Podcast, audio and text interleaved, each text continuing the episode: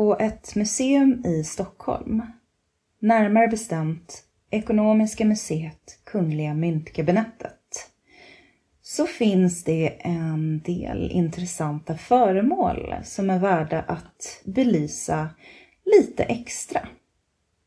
Det finns en hel del mynt från antiken och idag ska vi koncentrera oss lite mer på tio av dessa mynt.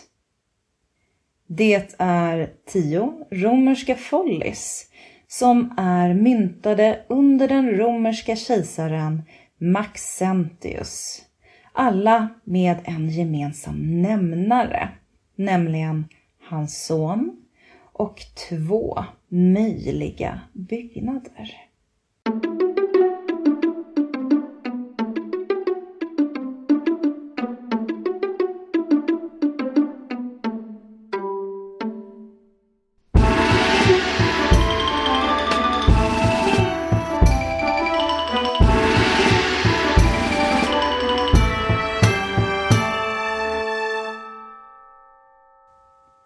Hej och välkommen till Podius Castus, en podd om antiken. Idag med mig Angelica. Och dagens minisnitt kommer att handla om ja, precis det jag berättade om, nämligen tio mynt och två byggnader. Men innan eh, vi kommer in på det så måste vi ta några steg tillbaka. För vi befinner oss just nu mot slutet av 200-talet och eh, början av 300-talet efter vår tidräkning i Rom. Och eh, det var ju en något politiskt rörig tid i det romerska riket. År 293 så infördes ett nytt sätt att regera av kejsare Diocletianus. Det är vad vi kallar för tetrarkin. Och tetrarkin, det innebär att det eh, romerska riket, det styrs inte längre av enbart en kejsare, utan delades upp mellan två kejsare och deras respektive kollegor, deras juniorkejsare. Och de här kollegorna var ju då menade att ta över efter dem. Kejsarna kallades för Augustus och deras kommande efterträdare för Caesar. Det började med att Diocletianus valde Maximianus till sin efterträdare år 285. Ett år senare så blev Maximianus medkejsare och riket delades upp i öst och i väst. I mars 293 så valdes Galerius och Constantius till Caesar åt respektive kejsare. Och år 305 så gick Diocletianus och Maximianus ner från sina respektiva positioner som Augustus. Och då kunde då Galerius och Constantius ta över som kejsare. Deras positioner som Caesar kunde i sin tur övertas av Valerius Severus och Maximinus Dasa. Så än så länge så låter det ju som att det fungerar eh, ganska bra. Men eh, redan år 306 så börjar det fallera. För vad som händer nu är att Konstantius dör och hans son Konstantin, ja, den Konstantin, han utropades som både Augustus och Caesar av sin fars armé. Samtidigt som då Valerius Severus går från Caesar till Augustus. Och vi kommer ihåg Maximianus. Ja, han gick ju i pension året tidigare. Men det var ju så att Maximianus hade en son, Maxentius. Och Maxentius, han ville väldigt gärna också åt positionen som kejsare, vilket han ansåg sig ha rätt till eftersom hans far hade varit kejsare. Vi ska inte gå in så mycket mer på detta, mer än att säga att det plötsligt var hela fem kejsare som ansåg sig regera. Och eh, enbart en av dessa hade positionen som Caesar, alltså som juniorkejsare. Och nu kanske du undrar varför jag tar upp detta om jag ska prata om tio mynt och två byggnader. Vad har de här med, med varandra att göra egentligen? Jo, jag tar upp det här för att jag vill poängtera att det var lite rörigt inom den politiska sfären under den här tiden. Och eh, hur mycket nu Maxentius ville det så erkändes han inte som en legitim kejsare av sina medregenter, även om han nu regerade från 306 till 312 då han dör. Maxentius, han är viktig. Han är viktig för Rom, alltså staden Rom. Och inte minst på grund av två saker. Den första, den första anledningen är att Maxentius var den sista kejsaren som hade en permanent bosättning i staden Rom. Och den andra anledningen, relaterar till den första. Det var så att Maxentius nämligen ville återskapa Roms forna glans och förbättra staden. Detta ville han göra genom nya byggnadsprojekt och det inkluderade templet till Romulus och Maxentius villa. Och nu börjar vi närma oss dagens ämne.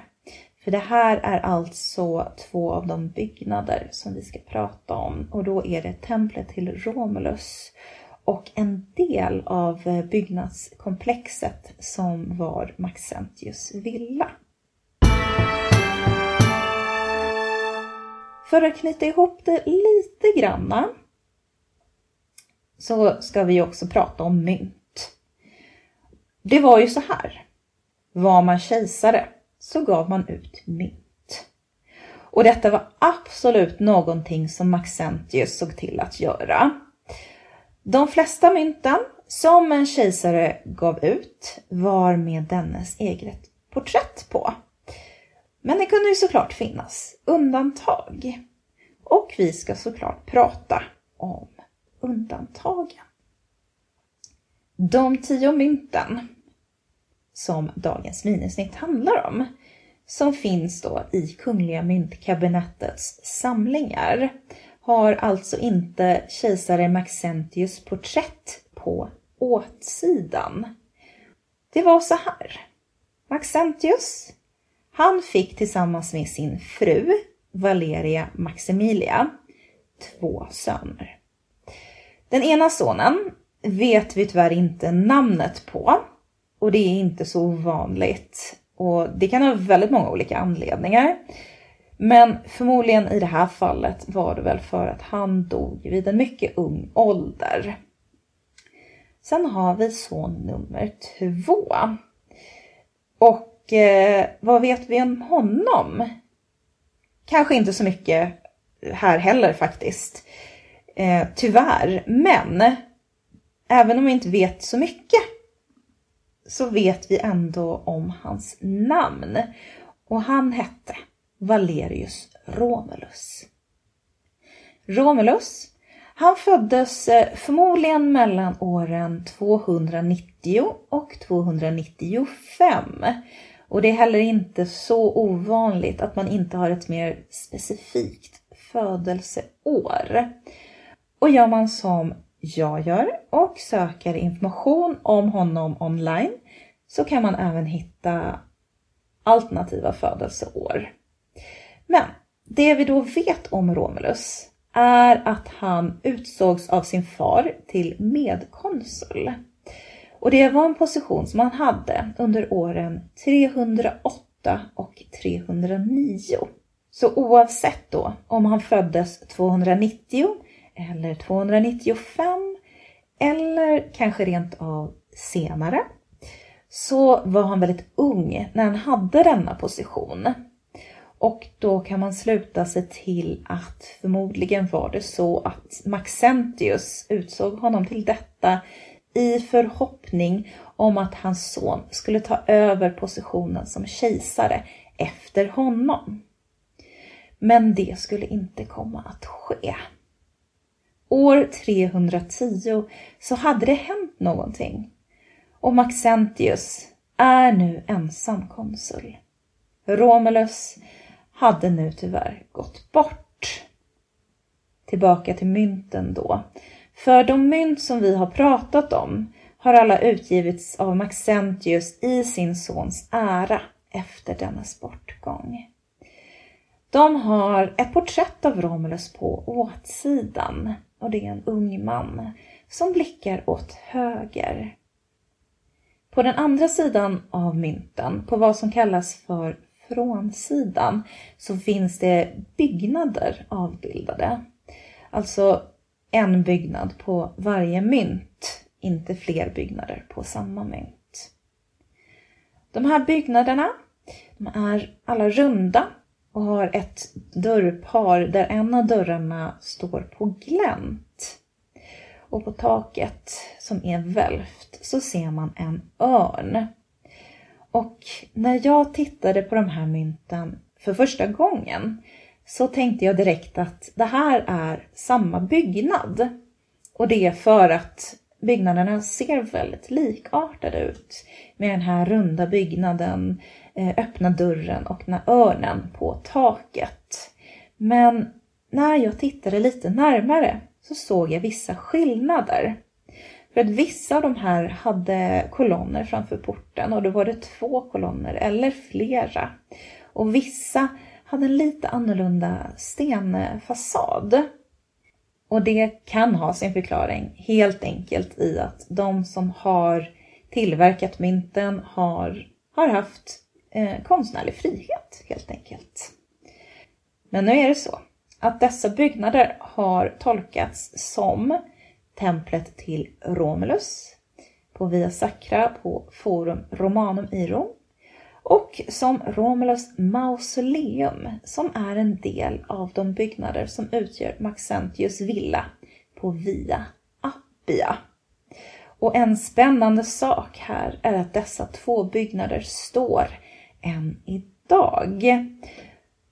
Kanske inte riktigt i samma form som under antiken dock. Romulus mausoleum det var som sagt en del av ett större byggnadskomplex vid Via Appia. Och det inkluderade en eh, palatsbyggnad för familjen och en cirkus där man kunde tävla med hästar. Själva byggandet av mausoleet inleddes under tidigt 300-tal och var förmodligen tilltänkt Maxentius själv. Valet att bygga mausoleet på just Via Appia, det var inte så konstigt. För vägen är kantad av gravmarkörer, av gravbyggnader eh, och så finns det i närheten av mausoleet ett flertal katakomber. Det var helt enkelt så att man generellt sett begravde sina döda utanför stadens gränser. Mausoleet var troligen byggt i två våningar det var en rund byggnad med en diameter på ungefär 35 meter. Men det är enbart den nedre delen, som då delvis ligger under mark, som har överlevt. Det finns en eh, central oktagonal kolonn. Och den här kolonnen har en diameter på mer än 9 meter. Och runt kolonnen så finns här en 7 meter vid korridor. Och det är troligt att byggnaden aldrig blev helt färdigställd. Och det kan man säga för att man då inte hittat några kvarvarande dekorationer för golv och väggar. Originellt hade mausoleet en ingång som var inramad av kolonner och det finns fina rekonstruktioner och ritningar av mausoleet med flera kolonner i fronten. Under modernare tid så har det hänt en del på platsen. Vid komplexet har det senast legat ett farmhus som sedan byggdes om till bostadshus innan det togs över av regeringen 1943. Den andra byggnaden var vad som kallas för templet till Romulus vid Via Sacra på Forum Romanum. Och den här byggnaden har också gått igenom en hel del omstrukturering under åren, om än på ett annat sätt.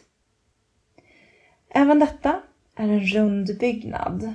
Ingången, eller den nedre ingången, är från Forum Romanum och det är via en stor port kantad av två kolonner.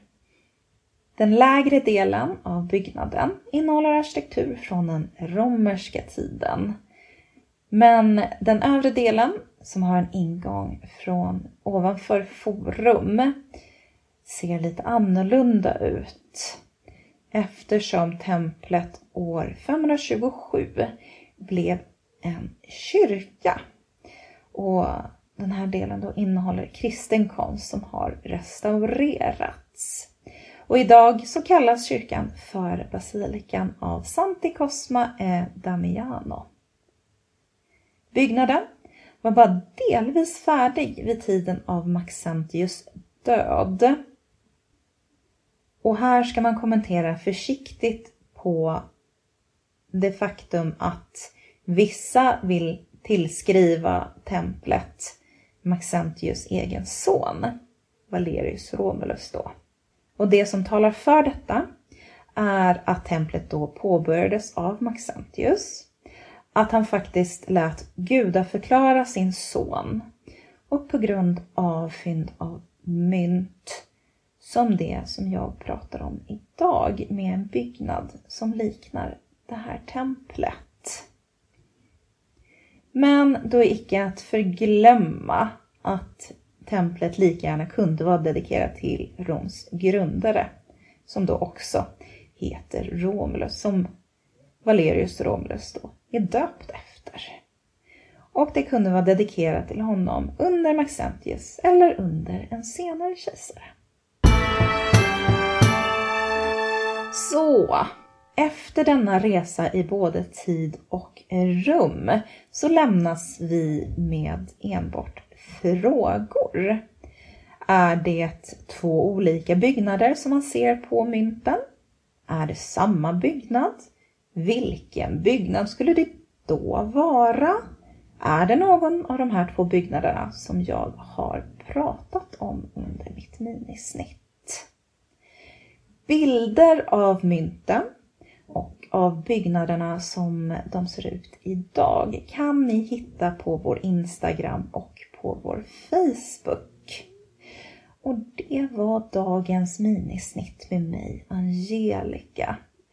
Har du frågor eller kommentarer? Vill önska ett ämne? Eller kanske bara vill säga hej? Så når du oss på podiuscastus.gmail.com på Instagram och på Facebook. Och har du vägarna förbi Sörmlands museum i Nyköping på onsdag den 25 oktober, alltså nu på onsdag, så ska vi faktiskt ha en livepodd där under kvällen. Så kom gärna och lyssna på oss då. Och med det så säger jag tack för idag och på återhörande.